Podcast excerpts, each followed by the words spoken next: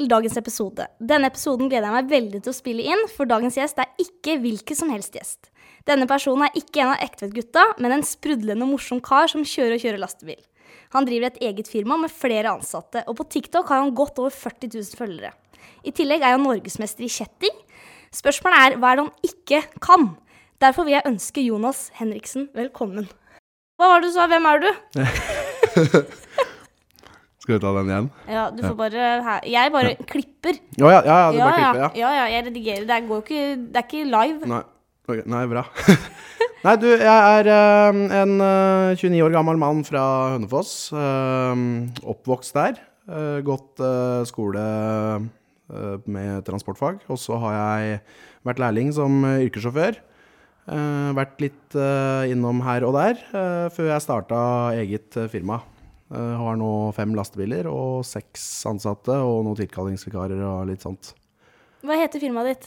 Det heter Henriksen Solutions AS. Å, herlighet, fancy. Ja, det er eh, svære greier. Det er, det er også Aker. Men uh, vi finner løsninger på ting, vi òg, så det Ja. skal jeg love deg. Ja, men Så bra. Da veit vi det. Eh, og du jobber jo driver eget firma. Eh, jeg pleier jo alltid også å spørre litt sånn i starten åssen kjærlighetslivet går. Ja, nå har jeg faktisk akkurat funnet meg en ny kjæreste, som En har ny? flytta inn til uh, nede i Tønsberg allerede. Akkurat ny. Ja, ganske ny. Ganske. Ganske ny. Ja, men Så koselig. Ja, koselig. Hva er det hun jobber som? Jobber hun uh, sykepleier. Ja.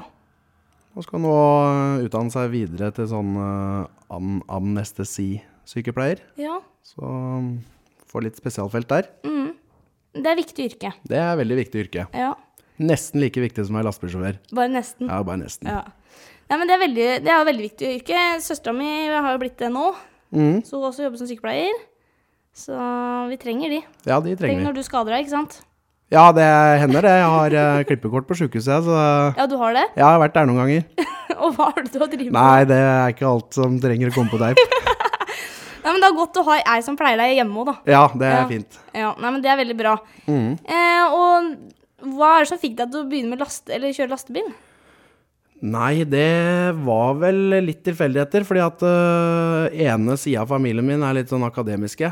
Så de uh, ville veldig gjerne at jeg skulle øh, ta høyere utdanning innafor et eller annet, men det, det var ikke uh, Ja. Jeg har aldri vært noe sånn særlig flink på skolen, da. Jeg syns det, det var kjedelig. Eh, teori som jeg er glad i, så er jeg veldig flink i. Men uh, der var det veldig mye unødvendige ting som jeg tenkte at vi aldri kom til å få, få bruk for.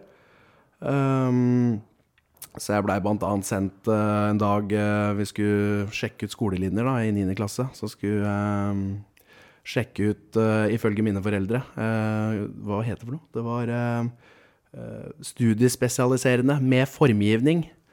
Og det er, jeg har sagt det før, men det er det, det er det kjedeligste jeg noen gang har sett. Det er satt en deprimert gjeng eh, i en hestesko med strikketøyet og og eh, blyantkvesser og ja, det var liksom Ja. Og der skulle du. Ja, dit skulle liksom jeg. Det skjedde, ikke, det skjedde ikke, da. Men eh, heldigvis, så for moro skyld Og da hadde jo fattern rista litt på huet, da, for at jeg skulle opp og, og kikke på den yrkessjåførlinja, da. Eh, og da mm, var jeg der oppe, og det syns jeg egentlig virka ganske kurant. Eh, så tror jeg egentlig familien min bare var litt Altså ensida av familien da, var litt redd for at jeg liksom bare skulle havne bak et langtransportratt. Men det er ikke sånn det fungerer i dag, at om du velger en, en, et fag, da, så, så må du bare gjøre det eller bare gjøre det. Det er masse muligheter uansett. Så jeg tenkte at uh, istedenfor at uh, jeg skulle bli en uh, sinnssykt dårlig akademiker, da, så kunne jeg heller bli en sinnssykt bra lastebilsjåfør. Ja, men det er bra tanke. ja. Så konkurransen er kanskje litt lavere hvis, man, hvis man er god på teori på enkelte ting og sånn også, da, tenkte jeg. Ikke det at lastebilsjåfører er dumme, altså. Noen er det. Men eh, på, ikke for langt nær alle. Nei, jeg tenker at Uansett hvilket, yrke det er i, så finnes det alltid noe smarte og noe dumme. Ja, ikke sant? Ja. Og så, og så handler det om at du, hvis du brenner for noe, så har du mye større sjanse for å, for å lykkes med det du gjør. Så, og det tenkte jeg allerede da. Så da øh, valgte jeg øh, service og samferdsel da, på, på første videregående. For da mm, der, Jeg fikk også vite at hvis jeg tok det først, så var jeg øh, kvalifisert sånn økonomisk til å ta løyve seinere, Mm. hvis jeg kunne, ville drive noe selv, da. Uh, og i tillegg så hadde jeg begynt i ja, Fra jeg var 15, da, så begynte jeg eh, i Posten. Og så sorterte jeg post om morgenen før jeg dro på skolen, da. Så jeg var der klokka fire om morgenen og sorterte post, og så dro jeg på skolen etter det. Men Så bra. Det er så, det er så fint å høre. Det er ikke mange av dem. Nei, det er ikke det. Jeg husker jeg fikk kjeft av lærerne mine òg, for de mente jeg var så trøtt på skolen, så jeg måtte egentlig slutte der. Ja. Men um, det, det, det gikk fint, da. ja. Det var, ikke, det var jo ikke fordi jeg var der at jeg var trøtt, det var bare fordi skolen var kjedelig. Da skyldte du på skolen. Ja, Ja. alt er skolens skyld. Nei Men, men skolen er veldig viktig, da. Ja, det er veldig, veldig viktig. Jeg bare syns at uh, man kanskje kan uh, endre en del i læreplanen. Ja. Fjerne ting som blir veldig spissa på, på f.eks. høyere utdanning, da. Og heller få inn uh, en del fag og sånn som er um, viktigere i livet, eller i bredden. Så så kan man heller da bli flink på Altså ta sånn som Pythagoras og sånne type ting, da. At man kan ta det, i de linjene som trenger det etter hvert. Men Pythagoras er kjempeviktig. Ja, men jeg har aldri hatt bruk for det, liksom. Ikke når du har snekra eller bygd noe eller Nei, ja, det, f- det får jeg folk til å gjøre for meg.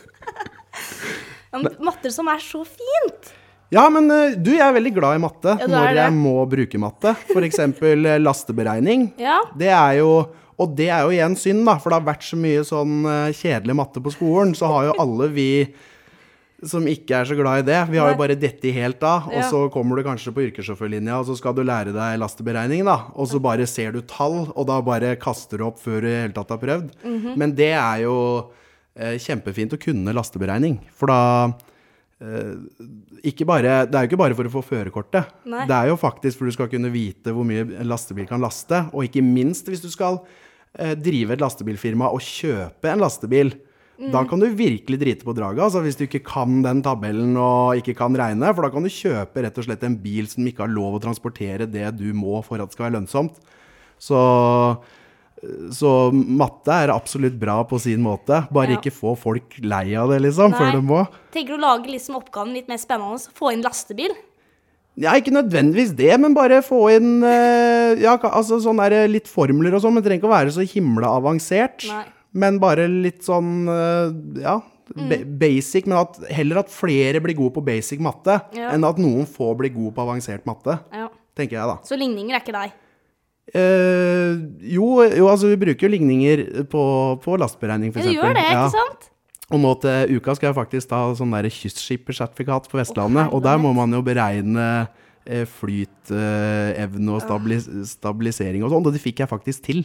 Du gjorde det, Ja, ja? jeg gjorde det. Ja, men nei, se. Det går. Ja, Så det er eksamen din nå på søndag før vi skal reise utover. Så Ja. Alt i boks. ja, Ja, men i hvert fall det er viktig at de skjønner at det er ikke bare å hoppe ut av skolen og altså begynne å jobbe.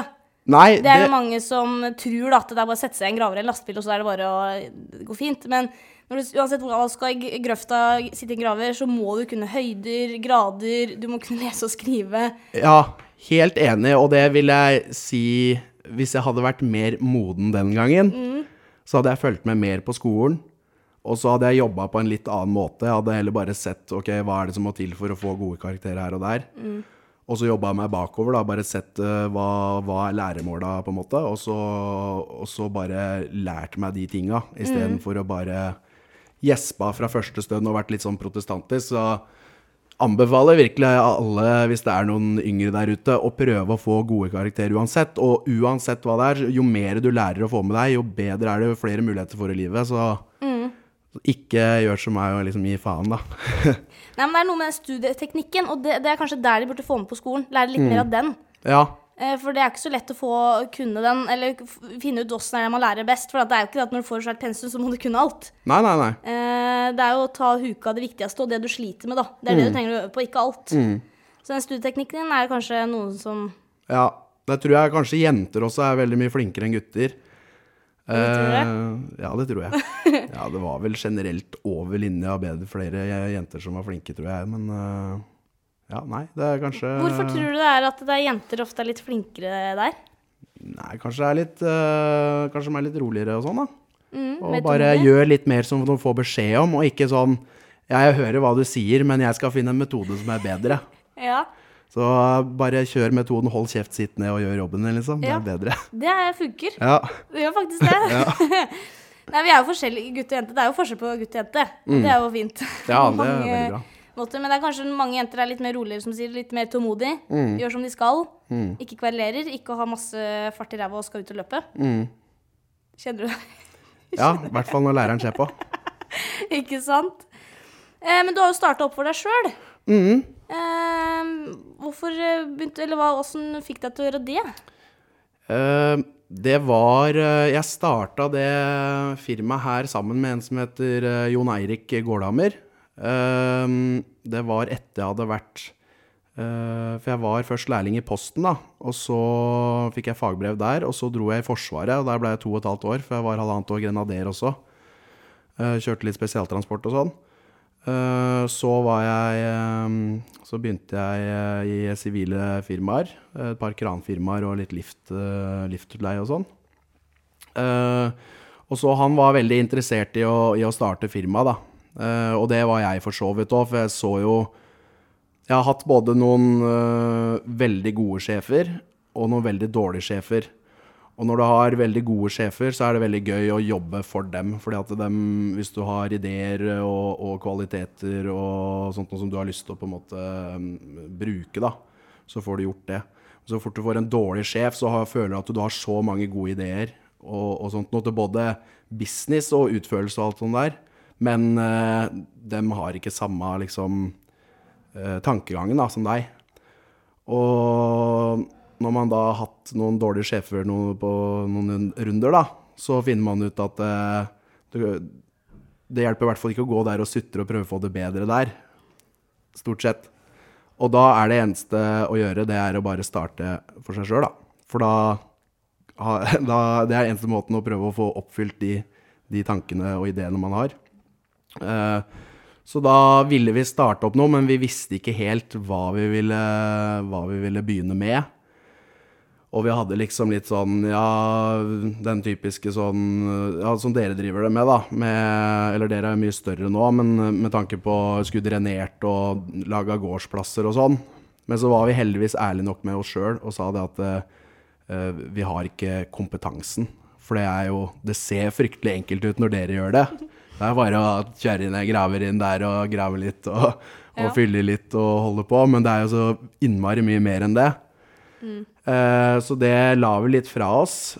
Men så fant vi ut at eh, For vi så det var veldig mange mm, lastebilfirmaer som sleit med oppdekking av sykefravær og litt helgekjøring og nattekjøring og sånn. Og vi hadde jo fast jobb da, men vi jo, hadde jo litt tilgjengelighet i ferier og, og helger og netter og sånn, da.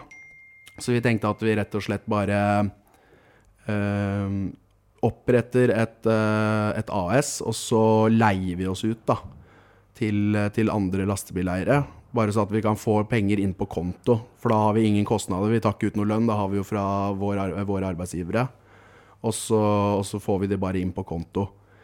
Uh, og da hadde vi vel ikke spart opp noe særlig mer enn uh, 60 000, tror jeg. Som er ganske lite på en firmakonto, da. Så fikk jeg plutselig en tilfeldig telefon eh, fra en bekjent som spurte om jeg ville bli eh, sjåfør på betongbil da, i Oslo. Eh, og da jobba jeg jo jobba jeg på film, nei, et annet firma i, i Hønefoss. Men uh, den lønna og sånn, jeg syns ikke den var noe sånn særlig å skryte av. Så jeg, men så sa jeg liksom på, på gøy da, at jeg, men jeg kan jo bli lastebileier. For grunnen til at uh, det ble søkt om sjåfører der, var fordi det var en lastebileier med fem biler som hadde gått konkurs i Nordbetongsystemet. Så sa jeg da at jeg kunne bli lastebileier, og dette var en fredag, tror jeg. I midten av juni, eller slutten av juni. Og så på mandag så ble jeg innkalt på hovedkontoret til Nordbetong. Og så kom jeg ut derfra med kontrakt, og da fikk jeg én måned på meg til å få tak i bil og løyve og slutte jobben min, Oi. og alt klart. Og akkurat på dagen hadde det gått en måned, da 1. august, så var jeg i gang allerede med en båndbil, brukt båndbil, da, til eh, 1,4 millioner, som vi har klart å lure inn en leasing på. Og fortsatt bare 60 000 på konto, eller litt mindre. Uh, og eh, hadde aldri kjørt betongbil før. Nei. Så der starta det, og jeg regna Jeg håpa da at jeg skulle få inn liksom eh, Jeg hadde regna hvis jeg ikke, det ikke skjedde så mye tull, da. Så, så regna jeg at hvis jeg klarte å kjøre inn 70 000 første måneden, så skulle jeg klare meg liksom med leasing og diesel og sånt, da. Og så hadde jeg solgt en motorsykkel og sånn, så jeg hadde klart meg liksom med lønn første, første par månedene. Uh, det, første dagen jeg skulle kjøre Eller jeg hadde, jeg hadde eh, øvd da med det transportbåndet. For det var ingen som viste meg det, for det var jo det var en bil som ingen andre der hadde. Så jeg måtte bare lære meg fjernkontrollen og sånn selv. Så jeg sto og øvde, så skulle jeg pakke den sammen rett før jeg skulle reise hjem, og så var det første dagen med levering dagen etter, da. Da sprakk hydraulikkslangen under bilen. All hydraulikk holda utover. Så det var starten, liksom. Så da var det å få mikka det sammen på kvelden og natta der, da. Få det klart igjen til morgenen etter. Det gikk. Og så klarte jeg faktisk første måned allerede å kjøre inn over 200 000, da. Yes. Ja, og sånn gikk det hver måned fram til jul, så jeg hadde jo, det er jo den beste perioden min noen gang. Så da bare gikk jo økonomien rett i været. Og etter det så har det jo egentlig bare balla på seg med biler og alt, da. For da Det neste som var, var jo at han eh, Jon Eirik, som han heter, han eh, tok med seg uh, noe som vi kaller for brønnservice, da. Fra sin arbeidsgiver og så inn til oss. Så vi kjøpte en sånn eh, kombi spyl- og sugebil. Og den Eller vi har en sånn nisje, da, så vi, vi trykker og spyler bo- Så markedet vårt er på en måte hovedsakelig brønnborere som har vært og bora en ny brønn, og så gir ikke den nok vann, og så har de noe som kalles for vanngaranti til kunden sin. da. Så hvis den, eh, eh, den brønnen deres f.eks. ikke leverer mer enn 2000 liter i døgnet fra fjellet, da, så, mm, så trenger ikke kunden å betale for borehullet. Så da er det vi som kommer og, og utfører noe som heter hydraulisk trykking, da, som gjør at uh, sleppene i fjellet åpner seg, så vannet kan komme inn. Og så sikrer vi at uh, brønnboreren får penga sine, da. Eh, og så fikser vi også gamle brønner. Med, vi kan både spyle dem reine hvis det kommer eh, dritt nedi der, og så kan vi trykke dem opp igjen så det kommer mer vann. Og så har vi også fått eh, spesielt kamerautstyr da, for å inspisere dem og sånn. Så det tok han Jon Eirik eh, med seg inn og var kjempeflink, og vi fikk masse kunder og alt det der, og det driver vi fortsatt med, med i dag, da. Så det har vi to, to biler på. Og Der driver vi både hele Øst- og, og Vestlandet, da. Så det er liksom den der spennende tingen vi driver med. Det er den spennende biten. Ja, er Betong spennende biten. mer- betong kan være spennende òg, altså. Det kan jo være det, Ja. absolutt. Eh, alle jobber kan jo være spennende på hver sin måte. Mm. Ja, men herlighet, det er jo utrolig mye dere driver med. Ja, det er, vi driver med ganske mye. Vi har drevet litt med sånn der takspyling og vi har, ja, kloakk, eh, åpning av kloakk og sånn. Det gjør vi ikke med samme bilen, da, men vi har en sånn henger som vi har drevet og åpna litt kloakk med. Og, Ja. Og vært i noen blokker og kikka etter rotter og, og sånne ting. Ja. Så nei, vi, lø vi løser det aller meste, egentlig. ja.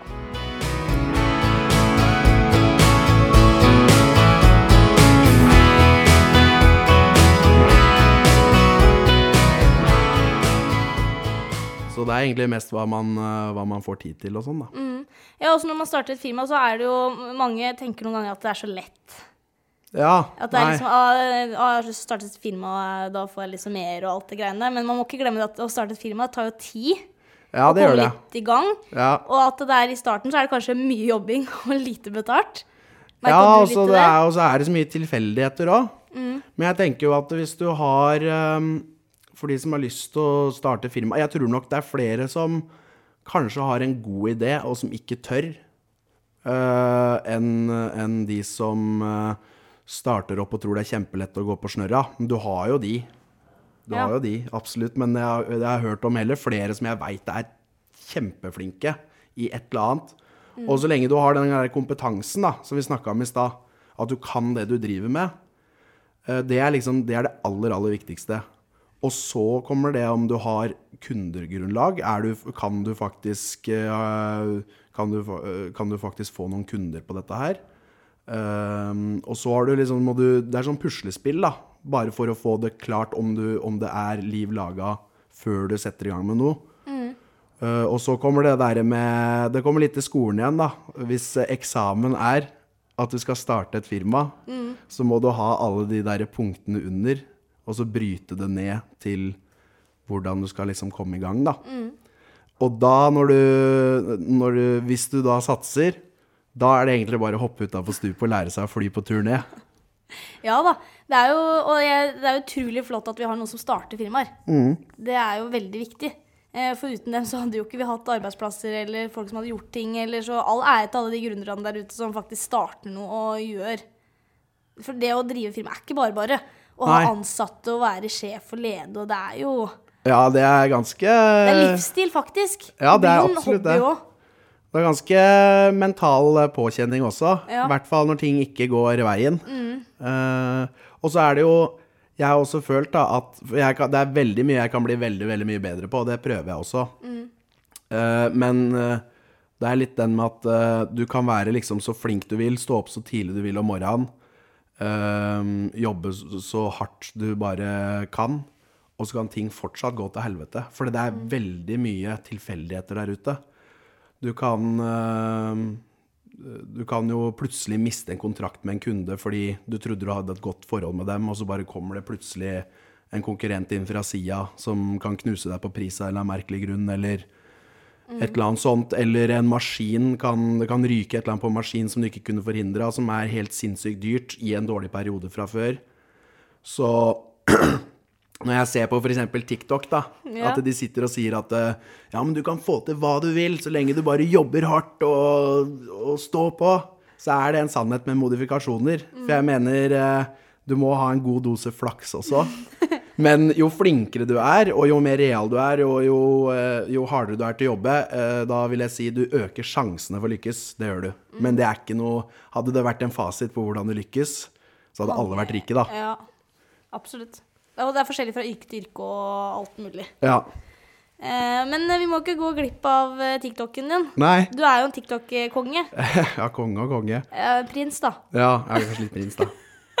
Blir konge etter hvert. Ja, vi du, får se. har, du har en del følgere der. Åssen er det du starta med det? Hva er det du fant?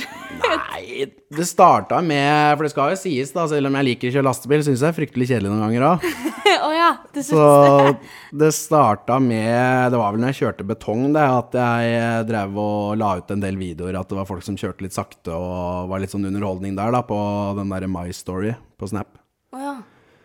Uh, og så hadde jeg med meg en, eh, en eh, frivillig eh, fyr en gang som var med meg litt på sommeren og hjelpa til, for han satt bare hjemme uansett. Eh, og han han bare sa at du, de der snappene dine, de må du legge ut på TikTok, da. Og da hadde jeg så vidt fått med meg hva det var. Jeg hadde jo fått tilsendt noen videoer eh, noen ganger, eh, men jeg visste ikke helt hva det var. Og så fikk han meg til å lage en bruker, da. Og så la jeg ut eh, Det første som skjedde, var at det var noen sauer som lå i veibanen, da. Og så, og så måtte vi få dem flytta. Så filma jeg at han hoppa ut og bjeffa som en hund for at de skulle fjerne seg, eller et eller annet sånt. Og så bare smalt det, da. Så fikk jeg 1000 følgere første døgnet. Yes. Og så har jeg egentlig bare lagt ut sånn der veldig usminka ting som går til helvete, stort sett. Fordi det syns folk er gøy. De bare godter seg. Ja. Enten så syns de det er veldig deilig at det går til helvete for, eh, for andre, men jeg tror den største grunnen er at de kjenner seg igjen. ja. At eh, det, for det er veldig mange som kommenterer at eh, 'Å, det der skjedde med meg en gang', og, og sånt noe. Så da Jeg tror det er bare veldig mange som relaterer til den der usminka greia hva, hva livet går ut på, da. Ja. jeg, ja, jeg har nok hatt litt mer uflaks enn en del andre, men jeg tror ikke jeg har Jeg har ikke bare uflaks heller, men det er bare at jeg aldri legger ut når jeg har flaks. Nei, Jeg legger aldri ut når ting går bra. du er litt omvendt av de influenserne, da. Ja, som legger ut av fine kropper og Ja. perfect hjem og mann og barn og Det er bare alt er på Ja. stil, da. De legger jo aldri ut når den kloakken hjemme i det fine huset deres er tett, og Nei. driten spruter opp av Eller- eh, sluk i Eller i morgen håret står til alle kanter og føler deg jævla oppblåst, liksom. Nei, Det, men det gjør du. det gjør jeg. Det er det jeg har fått følgere på, så jeg må jo fortsette med det. Jeg kan ikke begynne å legge ut sånne der solskinnshistorier nå, det blir helt feil. Nei. Nei, jeg har jo fulgt med på de videoene. Jeg syns de er veldig morsomme òg. Ja, Eh, og du er jo, hisser deg litt opp og blir irritert. Og, Ja. og jeg, jeg skjønner jo det, for når man kjører lastebil eksempel når, Det er en video når det er i Oslo, og så er Mm. det noen som står feil eller et eller annet, da, og så flytter de seg ikke, og så kommer du med den svære lastebilen. ja. Det er jo provoserende. Eh, Det er ganske At ikke de skjønner at du trenger stor plass. Ja. Det er rart. Jeg syns det er jævla rart. Ja, og da må jeg vel lage litt underholdning med hva man tenker oppi hodet sitt, da. Og det er ikke det Jeg kan bli skikkelig sint òg, men eh, det, det er nok en del overdrivelse der. Det er det, ja. Ja, det er det. Selvfølgelig Du blir ikke så sinna? Ja, ja, jeg blei det mer før. Ja. Nå må jeg liksom ta i litt for å lage litt underholdning. Men eh, det er litt morsomt også, for det er noen som, eh, der ute som ikke får med seg at det er litt, eh, litt overdrivelser ute og går. Så jeg har jo fått, det er jo noen videoer jeg har lagt ut der det har vært, det blitt spredd litt på Facebook og sånn, at det, og folk kommenterer at «Ah, sånne lastebilsjåfører bør aldri være på veien, og denne er farlig for trafikken. Og jeg, det morsomste en gang, det var en, bo, ja, det var en bobilvideo jeg la ut. Der hvor jeg på en måte fikk utløp for det som de fleste pleier å tenke når de legger, ligger bak en bobil i 50-80-sona. Og så Den spredde seg veldig på Facebook og alt mulig rart, og det var veldig eh, blanda reaksjoner. Noen digga det, selvfølgelig. Eh, det ble jo 16 000 likes òg, så jeg tror det var ganske mange som syntes det var, syntes det var artig, da. Men da fikk jeg plutselig en melding i innboksen på firma-Facebooken min. Oi. Og der var det en, eh, en eh, ordentlig Facebook-detektiv da, som Ja. hadde sendt full eh, tekst og, alt, og bilder av bilen og alt det der da, til Henriksen Solutions på Facebook. Og skrev at den sjåføren av den bilen her, han var livsfarlig bak rattet, for han hadde lagt ut en video der han, der han kjefta på, på de som lå, eller en bobil som lå foran, og dette kunne være farlig og, og alt mulig rart, da, og at jeg burde sparke sjåføren. Jøss. Men det var jo jeg som var sjåføren. Så jeg, svar, jeg svarte jo bare enkelt at uh, jeg, jeg tror at uh, sjåføren på en måte drar på et lite skuespill her, og at han egentlig ikke er så farlig bak rattet og sånn, da. Uh, og så hilste jeg da fra, fra Jonas Henriksen, daglig leder i Henriksen Solutions, aka Lastebil-Jonas på TikTok. Ja. Og da, ble, da svarte han ikke noe mer, gitt. Nei, gjorde ikke det. Nei. Nei. Så det, det er litt morsomt. Folk, eh, jeg tror ikke folk eh, helt klarer å skille på hva som er litt eh, tull og, og sånn. Du må være Nei. litt å kødde litt i hverdagen, tenker jeg. da. Ja, herre, det er kjempeviktig. Ja. Og jeg tenker det du tar fram, er liksom er, jeg Man kjenner seg så igjen, vet du. Ja. Og jeg, de guttene som kjører her òg Og en som heter Kjetil Møller Nilsen, har vært med her, da. Og han Åh, gud a meg. Han der lille hissigproppen der. Du ser blodårene bare spruter bakover. Og hvis noen tuter på han Jeg skal love deg, han stopper lastebilen, går ut og snakker til deg. ja, jeg har vært ute av bilen noen ganger òg. Du har det, du òg, ja? ja? Og så var det Karsten, han som du hilste på i stad. Mm. Han skulle jo kødde med deg og kjørte bak en, og da kjørte han en, eh, da kjørte han og skulle flytte en svær gravvei. Og Mm. det er jo tungt. Og når du kommer til en rundkjøring, og da stopper en lastebil, og få den i gang igjen, er jo, det tar jo så tid. Ja, så han, det- noen gang, han bare kjører, ikke sant, så må andre slakke. Så sto han midt i rutekjøringa, så var det en bil som tuta. Og Kjetil ut, hissig som bare rakkeren, og skulle snakke til hun stakkars dama som satt og svetta seg i hjel, da. Var livredd. Så sitter han kuken bak og ler seg i hjel. Og Kjetil skjønte han hadde driti seg ut. Du, Og det var feil bil? Det var feil bil. Ja, ja, det er litt dumt. Ja, jeg, jeg, tror hun, jeg tror hun var glad for at, ikke, at han skjønte det. Ja. Så gikk han stille tilbake og kjørte. Og snakka ikke med Karsten, tror jeg, på en stund. Så ikke tut med Kjetil. Hvis man ser en sånn liten mann flintskalla. Anbefales ikke. ja. Nei, der eh, skal være litt forsiktig med å tutte på folk. Ja. Men jeg, jeg mener jo også, det, det må jo være lov å Det må jo være lov å bli sint i trafikken og få Ja. litt utløp. For det er forskjell på Jeg synes det er forskjell på å sitte og skrike og banne. Altså det, du veit jo veldig godt at de hører deg ikke uansett hvor høyt du skriker. Men eh, det er forskjell på det å ta en eh, stygg forbikjøring Ja. eller et eller annet sånt noe. Og jeg har heldigvis vært oppe i veldig veldig få um, farlige situasjoner i hele tatt. Jeg tror, ja, Det var kun når jeg har kjørt bilberging som jeg har kommet først til nesten da, først da, til et ulykkessted. Mm. Men ellers har jeg vært veldig heldig med, med å ikke komme opp i noe, noe stygt i trafikken. Så det er jo Det må Altså, det, det må være lov å sitte og skrike og banne litt, altså. Det er ikke det samme som å, å kjøre i 140 km i timen. Nei, nei, herregud. Nei Så til alle haterne der ute, så har jeg null prikker i førerkortet mitt, jeg. Ha, ha, ha. null. Ta den! Ja. Jøss, du har null, ja. Ja, null prikker. Du null prikker, ikke Ja. Mm. sant? Da kan se. Du bare hisser deg litt opp inni der, men er Det, det er lov å bli sint. Ja, det er Ja. lov. Ja, men Det er jo veldig bra. Jeg, det er én video som jeg syns er veldig fin. Ja. Og det er hun dama med den gressklipperen. Ja, ja, ja, ja. Hun som parkerer grassklipperen bak eh, lastebilen. Ja. Du må fortelle litt åssen er den begynte. Hva skjedde? Ja, det var eh, det er en klassiker fra 2018, eller var det 2017? Uh, som vi leverte betong ute på eh, Er det Snarøya det heter? Ute ved Fornebu der? Ja, det Ja. Kjører ut til Fornebu, da, og så tar du til venstre opp i skauen der, og så hadde eh, Var det Kruse Smith eller noe sånt nå, som hadde et prosjekt der? Um, og der måtte vi kjøre inn en eh, Det var en kommunal gate inn eh, til venstre, og så rygge oss opp uh, og levere betong, da. Problemet var bare at eneste stedet å stå for å, uh, for å møte den andre betongbilen som kommer ut, da, som er levert først, det var i et uh, veikryss som da gikk opp til flere gårdsplasser. Men det var fortsatt et kommunalt kryss, da. Og der var det ei dame som eh, ikke syntes noe om at vi skulle stå der. fordi ifølge henne så virka det som det var hennes private eiendom, da. Okay. Og jeg er Hvis du kommer og spør meg hyggelig, så er jeg veldig hyggelig òg. Da rygger jeg nesten den bilen eh, opp ned på et jorde for at du skal få slippe forbi, altså. Det er ikke noe problem. Men hvis du kommer med den tonen at du liksom begynner å filme og skrike før jeg har fått åpna ruta, da er ikke jeg noe sånn kjempeålreit å ha med å gjøre heller. Nei. Men det jeg fant ut her, da, at jeg måtte bare dokumentere litt tilbake, da. Mest på gøy, men også liksom hvis det skulle komme noe greier. Jeg syns den var dritfin, jeg.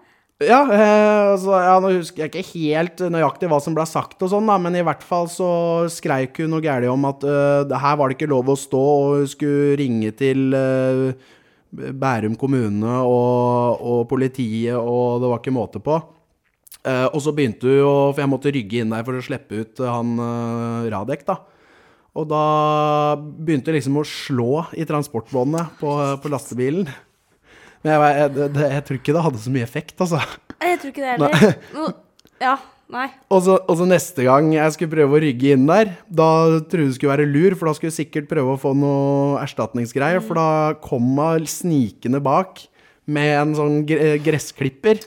Og prøvde å sette den liksom rett bak bilen, da, så jeg ikke skulle se den. Men den så jeg jo selvfølgelig, så den rygga jeg bare helt inntil, og så stoppa jeg, da. Så det var eh, Men fikk, jeg fikk jo rygga inn der, og jeg fikk jo gjort jobben. Og det kommer selvfølgelig ingen eh, straffereaksjon. Jeg tenker at de på politikammeret og på kommunen der bare rister på huet, liksom. For det, det, det jeg pleier å si til sånne mennesker, for det har vært ganske mange steder i Oslo, at de, folk klager på at uh, vi leverer betong og det er bråk og bla, bla. Så, så sier jeg bare beklager, vi må gjøre jobben. Og så hvis de fortsetter å klage da, så, så spør jeg dem hvordan tror du huset ditt ble bygd? Åh, elsker det. Ja. Jeg elsker det. Ja, det er jo en sånn der banal greie å si, oh. men det er jo Men da pleier de faktisk å gi seg, altså. Gjør de det? Ja, for da tenker de litt sånn Å ja, kanskje Og så sier jeg bare Ja, hvis du skal bygge deg en garasje nå, da, skal vi bare gi faen i å komme hit og levere, da, fordi at eh, naboene dine ikke syns noe om det? Og da tenker de seg om lite grann. Men det er den der egoismen med at eh, her har jeg bygd, og her skal ingen an andre bygge. Ja, jeg, men er det noe med For jeg også kan finne på å si sånt. Ja. Men jeg får ikke den tilbake. Nei, men da er jeg noen kilo tyngre enn deg, og, og litt høyere og er det noe med at de tenker Nei, hun lille dritten der, hun gidder ikke høre på. ja, det- ja, det er jo Jeg er ikke så liten heller, Ja, egentlig, det er eh, jeg, har, jeg har til og med hørt om uh, sånne naboer som har ringt til Statens vegvesen for å få dem til å veie de bilene som kommer inn, og det er Folk saboterer så mye for hverandre. Og det er eh, Ja, det er helt ekstremt, altså. Ja, det er helt, jeg, jeg hæler jo ikke sånt. Jeg blir så, jeg blir så sinna. Jeg, vet, jeg, Ja. sånn, kaller, jeg er jo sånn liten my som bare sånn lemen. Ja. Og vi var på et prosjekt eh, det var jo her i Tønsberg, et stort et. Og så kommer jeg med bil og en lang henger som er seks meter lang, for jeg skal ha rør og sånt oppi. ja. Og så skal jeg parkere. Og så er det svær parkeringsplass, da. Men der kommer han naboen med at der skal ikke jeg parkere. Og Så parkerte jeg langs veien, og så kommer noen andre, der skal jeg heller ikke parkere. Og Så tok jeg en parkeringsplass nede ved barnehagen, og så kommer de barnehagetantene, da. Og til slutt så sa jeg det at ja, det vet du hva, nå gir jeg snart faen. Jeg kan faen ikke parkere et fuckings sted her. Kan dere ikke være snill være litt hyggelig og si faen så fint det blir, istedenfor å klage? ja, det er helt ekstremt. Og da blei ble de faktisk stille, da, for da tror jeg nesten var på gråten nå. For da var jeg så dritlei av å Ja. den jævla bilen. Ja, det er sånn der bare tenker på seg sjøl. Det var ingen av oss som sto noe, på den første parkeringa, da, uansett. Hvorfor kunne jeg ikke brukt den, da? Ja, ja, men eh, det, det, det nesten det aller mest effektive når det kommer sånne, det er egentlig bare late som du ikke hører dem. Ja, men han der gærne Maria på sida der, skjønner du. Ja. Han var oppe og kjefta noe så inn i granskauen. Ja, men det som var litt morsomt, noen måneder senere, vet du hva han skulle da? Mm. Han skulle bygge en garasje. Ja, så fint da, gitt. Altså, Håper han brukte dere. Han var kjempehyggelig mot naboene, for da måtte han ha underskrift og sånt, vet du. Ja, da var han hyggelig, ja. Ja, kjempekoselig. Mm, rart det. Utrolig hyggelig mann, Ja. Nei, gud! Nei, det blir sånn, levere betong med bånd oppe i Holmenkollen nå, og så Ja, hører en te du hører Teslaen tuter liksom fra han ser deg, 500 meter unna, liksom. Da er det sånn snu ryggen til, og da bruker du litt ekstra tid med å få Ja. levert de greiene, altså. Jeg skjønner. Men hvis de kommer og du beklager, jeg må hente i barnehage sånn, da er det liksom Ja. Dynamikken går med en gang. Selvfølgelig. Det, jeg, jeg skjønner ikke mentaliteten, men uh, Og jeg skjønner jo ikke at uh, hvis du bor i Oslo eller et tettbygd sted, da, og der er det jo masse folk Mm. Det er rart med det når det er tettbygd, så er det mye folk der. Uh, og det er- skal bygges ut, og det skal ordnes og styres hele tida. Hvis du vil ha det stille, ja. hvorfor bor du der da? Ja, det, det tenker jeg på. Du, apropos det, det må vi faktisk ta som en litt morsom greie. Ja. Har du lest det der leserinnlegget, med, med, leserinnlegget med, i Tønsberg Blad her, med hun som flytta inn til, på Kalnes i de der høye, nye blokkene, Ja, og, så, ja. og så klaga hun på at det var feststøy fra Brygga i Tønsberg! Den har jeg lest! Da, da, har du, da har du gjort riktige vurderinger. Det er smart. Det er, det er faktisk noe av det morsomste jeg noen gang har lest. Det er det. Ja, Ja. den var morsom. Da lo du. Da lo jeg. Da lo jeg godt. Ja, nei, det, det, det skjønner jeg ikke. Jeg skjønner, da er du Ja, men hallo. Ja. Det er jo en sommerby med masse er båter Det er Norges Ayanapa, og så har du flytta Til til Ayanapa. Ayanapa. Og så nei, her skal være stille etter klokka sju på kvelden her. Ja, jeg vil ikke bo der. Nei. Nei, gud, det er så mye morsomt sånt rundt omkring. Ja, det er Du, det, men hun med gressklipperen, hun lo jeg av når hun, hun gikk med gressklipperen bort, eh, husker jeg. Ja. Og så stelte den bak, og du Mm. ser i speilet, og så kommer hun 'Nå kjørte du på gressklipperen min, jeg skal anmelde deg!' Ja. Og så skulle du ta nummeret ditt, og så. hadde du bare 'Nummeret mitt, har du det?' Ja, det hadde hun visst. Og, ja, det var regnummeret på lastebilen hun mente. ja, det var det hun Ja. mente, ikke mobilnummeret ditt. Nei, nei. Og så skulle du ta bilde av deg òg, da. Men da kom jeg jo rett til Eske Finans, så vi kom ikke så langt der heller. Ja, det var morsomt. Det må de se, men da må de bla litt nedover. Ja, det ligger masse nedover. Ja, Så det er bare å gå skrolle- ned, bare å skrolle nedover skrolle og nedover, og kose seg. Ehm, vi har allerede prata en god del allerede. Ja, jeg vi er synes ikke ferdig engang. Nei, kjempebra. Uh, så vi må nesten ha en del til, tror jeg vi. Jeg tror jeg må dele det opp, faktisk. Ja, Del én og del to blir det med deg. ja. Det er hyggelig. Det er bare å holde seg fast og vente på neste del. Det, det blir det.